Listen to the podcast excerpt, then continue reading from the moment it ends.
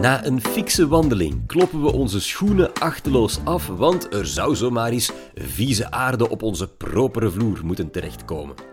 We doen dat achteloos, want we gaan ervan uit dat de grond onder onze voeten onuitputtelijk is. Maar is dat wel zo? Geograaf Amaury Frankel is de geknipte man om dat uit te pluizen. Zitten onze boeren binnenkort zonder bruikbare grond? Dit is de Universiteit van Vlaanderen. Aarde, grond, bodem. In het Engels zeggen we ook dirt, wat letterlijk vuil betekent. Maar wat is dat precies, aarde? Wel, ik heb hier drie soorten aarde, die we allemaal goed kennen. Kan uit jullie tuin komen. Die aarde die bestaat uit vijf componenten. De eerste twee die zijn vrij gemakkelijk, evident. Lucht en water. De luchtigheid, de vochtigheid, die kan je voelen. Ten derde, de aarde bestaat voor ongeveer de helft uit kleine stukjes vast materiaal. Het zijn deeltjes zand, leem of klei die ontstaan zijn door verwering. Vorst, hitte, organismen, incijpelend water, ze werken allemaal in op het gesteente en reduceren het tot hele kleine stukjes. Ten vierde, humus. Humus geeft aan aarde die typische donkere kleur en is ontstaan uit resten van afgestorven planten en dieren. En ten vijfde wordt vaak al eens vergeten levende organismen. De aarde zit boordevol leven. Miljoenen bacteriën, insecten, fungi en niet te vergeten aardwormen natuurlijk. Dat geheel dat we aarde noemen, komt voor over de hele planeet. Soms reikt ze maar een tiental centimeters diep, in berggebieden bijvoorbeeld, soms meters diep, zoals in tropische gebieden. Je hebt aarde ook in alle kleuren en vormen. Alleen al in Europa zijn meer dan 10.000 verschillende soorten aarde. De precieze kleur en samenstelling die hangt af van de interactie tussen de afzettingen waarin aarde is ontstaan, het relief, het klimaat, de vegetatie en vooral veel tijd. Aarde vormt zich bijzonder traag. Dat maakt ze ook zo belangrijk. Ik noem het wel eens onze meest waardevolle grondstof. Waarom? Het is het fundament van het leven. Planten, dieren en ook de mens hebben aarde nodig om te leven. Planten om in te groeien natuurlijk. Ze halen er water en nutriënten uit. En die nutriënten die worden gratis en voor niets door de aarde gerecycleerd. Aarde wordt daarom wel eens de maag van de planeet genoemd. Al het organische dat erin komt, wordt verteerd en wat dan overblijft zijn zuivere voedingsstoffen zoals calcium, magnesium, kalium, die de planten opnemen en die hun bouwstenen vormen. Aarde geeft ook water aan planten. En een goede, een gezonde aarde werkt daarbij als een spons, die ons ook kan beschermen tegen overstromingen. Meer nog, als het water diep incijpelt, dan wordt het gefilterd, gezuiverd en voedt het onze grondlagen voor drinkwater. Aarde is ook een aanzienlijke opslagtank van koolstof. Aarde bevat meer koolstof dan in de atmosfeer. Zorgzaam omgaan met aarde is dus belangrijk in onze strijd tegen de klimaatopwarming. Als wetenschappers zien we aarde soms als een geschiedenisboek. Je kan er een rijk verleden in aflezen. Kinderen zien het soms als een schatkamer. En inderdaad, soms vind je erin artefacten van lang verdwenen beschavingen terug. Het hoeft daarom geen toeval te zijn dat we voor onze planeet als geheel, als de grond onder onze voeten, hetzelfde woord aarde gebruiken. Zonder aarde geen leven. Maar zitten we binnenkort zonder vruchtbare aarde? En zitten wij daar als mens voor iets tussen? Wel, het meest rechtstreekse verlies van aarde wordt veroorzaakt door erosie. Erosie is dus het verlies van aarde door weer en wind, ruwe krachten van de natuur. Felle regens, strakke buien, dat zijn elementen die veel erosie kunnen veroorzaken. Ik leg het even uit. Stel, je hebt aarde die bedekt is met planten, gras bijvoorbeeld. Als daarop regent, dan zal het meeste water infiltreren. Water dat toch van het oppervlak afstroomt naar rivieren, dat blijft helder. Het water in rivieren bevat zo goed als geen aarde. Heb je regen in tegenstelling boven een aarde die onbedekt is, die naakt is, wel, die regen die zal kleine stukjes aarde losmaken en het afstromende water neemt die deeltjes mee naar rivieren. Het water in de rivieren is dan bruin. Op zich is daar niets mis mee. Het is een natuurlijk proces. Dat bruine water wordt door rivieren over lange afstanden getransporteerd en gaf vorm aan de meest waardevolle plaatsen op onze planeet. De Nijldelta bijvoorbeeld. Die is opgebouwd uit aarde die van duizenden kilometers verder komt, ontstaan door erosie op het Ethiopische hoogland. Erosie hogerop gaf dus aan oude beschavingen, zoals in het vroege Egypte, toegang tot grote vlaktes van vruchtbare aarde, waar uiteindelijk de landbouw is ontstaan.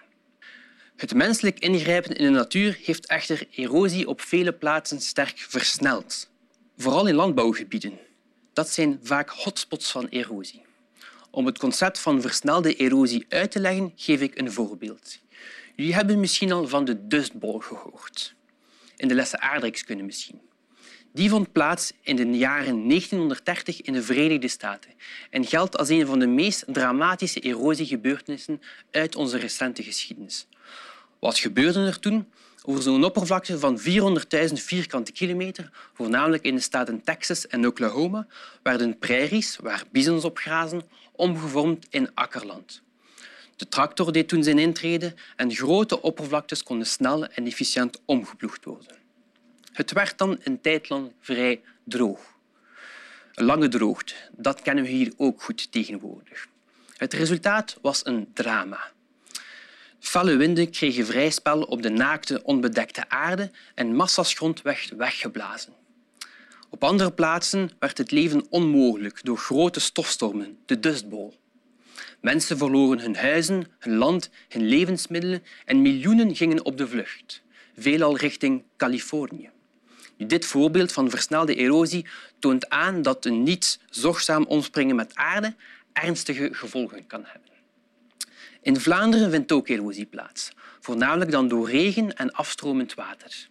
Een recente berekening wijst uit dat zo'n 380 vierkante kilometer aarde sterk tot zeer sterke versnelde erosie kent.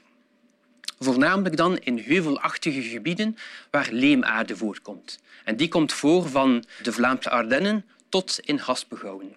En laat dat nu vaak de beste landbouwgebieden zijn. Voor zo'n 50 vierkante kilometer is het erosierisico zelfs acuut.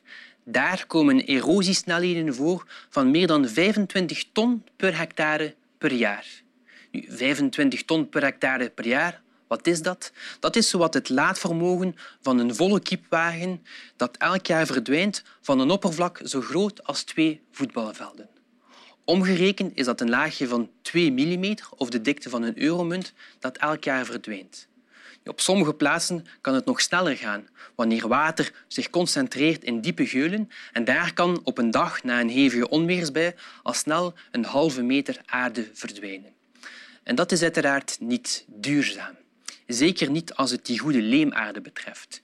Die werd hier afgezet tijdens de laatste ijstijd, meer dan 12.000 jaar geleden, en geldt als een niet hernieuwbare grondstof. Je kan je ook afvragen, ja goed, waar gaat die leemaarde dan naartoe? Zijn jullie echt wel kwijt door erosie? Wel, als die aarde met rivieren meestroomt naar de zee, ja, dan zijn we die echt wel kwijt. Die aarde kan ook op andere plaatsen terechtkomen waar ze minder interessant of nuttig is. Denk maar aan aarde die terechtkomt in dorpen of in huizen na een modderstroom. Dat is gewoon ellendig. En die modderstromen die zien we vaak al eens voorkomen in de lente of de vroege zomer, wanneer het land nog maar net is ingezaaid en de aarde heel gevoelig is voor erosie. Nu kunnen we versnelde erosie tegengaan? Jazeker. En op vele plaatsen doen we dat ook. Vele plaatsen hebben namelijk hun eigen dustbaltrauma opgelopen. Denk maar aan het Chinese Leemplateau, het Ethiopische hoogland of het Middellandse Zeegebied bijvoorbeeld. De teleurgang van oude beschavingen wordt vaak ook in verband gebracht met een ondoordacht beheer van de aarde en versnelde erosie. De teleurgang van de Maya-beschaving in Centraal-Amerika of diegene op het Paaseiland in de Stille Oceaan zijn daar een voorbeeld van. Een maatschappij dat niet zorgzaam omspringt met zijn aarde voorspelt op termijn alvast niet veel goeds. Om waardevolle aarde te beschermen wordt in toenemende mate geïnvesteerd in een beter en doordacht beheer van aarde en van land. In Vlaanderen gebeurt dit door de meest erosiegevoelige aarde om te vormen in weiland bijvoorbeeld. Of ervoor te zorgen dat er een plantendek blijft bestaan op de aarde.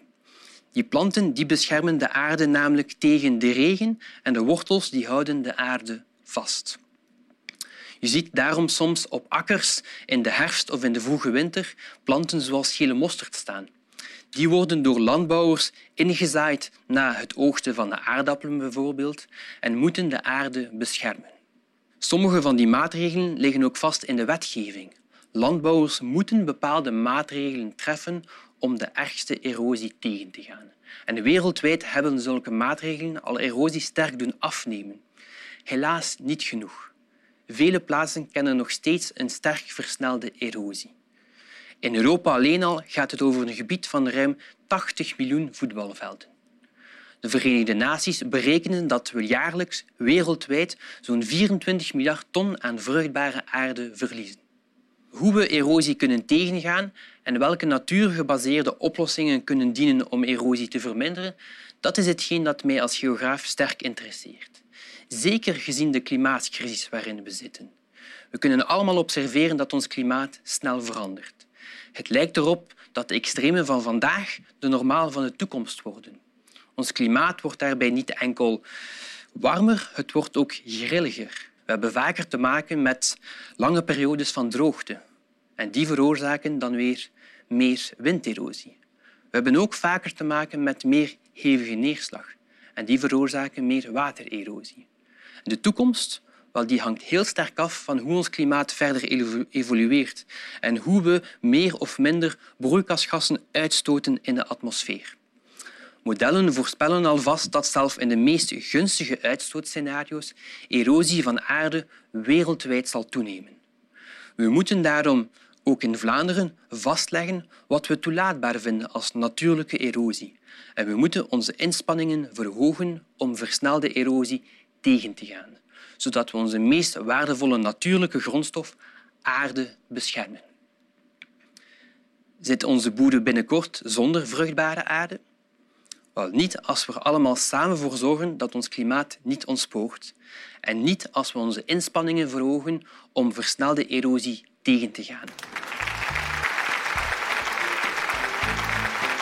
Laten we dus maar met z'n allen op onze ecologische voetafdruk letten of we hebben binnenkort geen Belgische groentjes meer. Hoe we dat kunnen doen kwam Wim Thierry uit de doeken doen. Veel luisterplezier daarmee.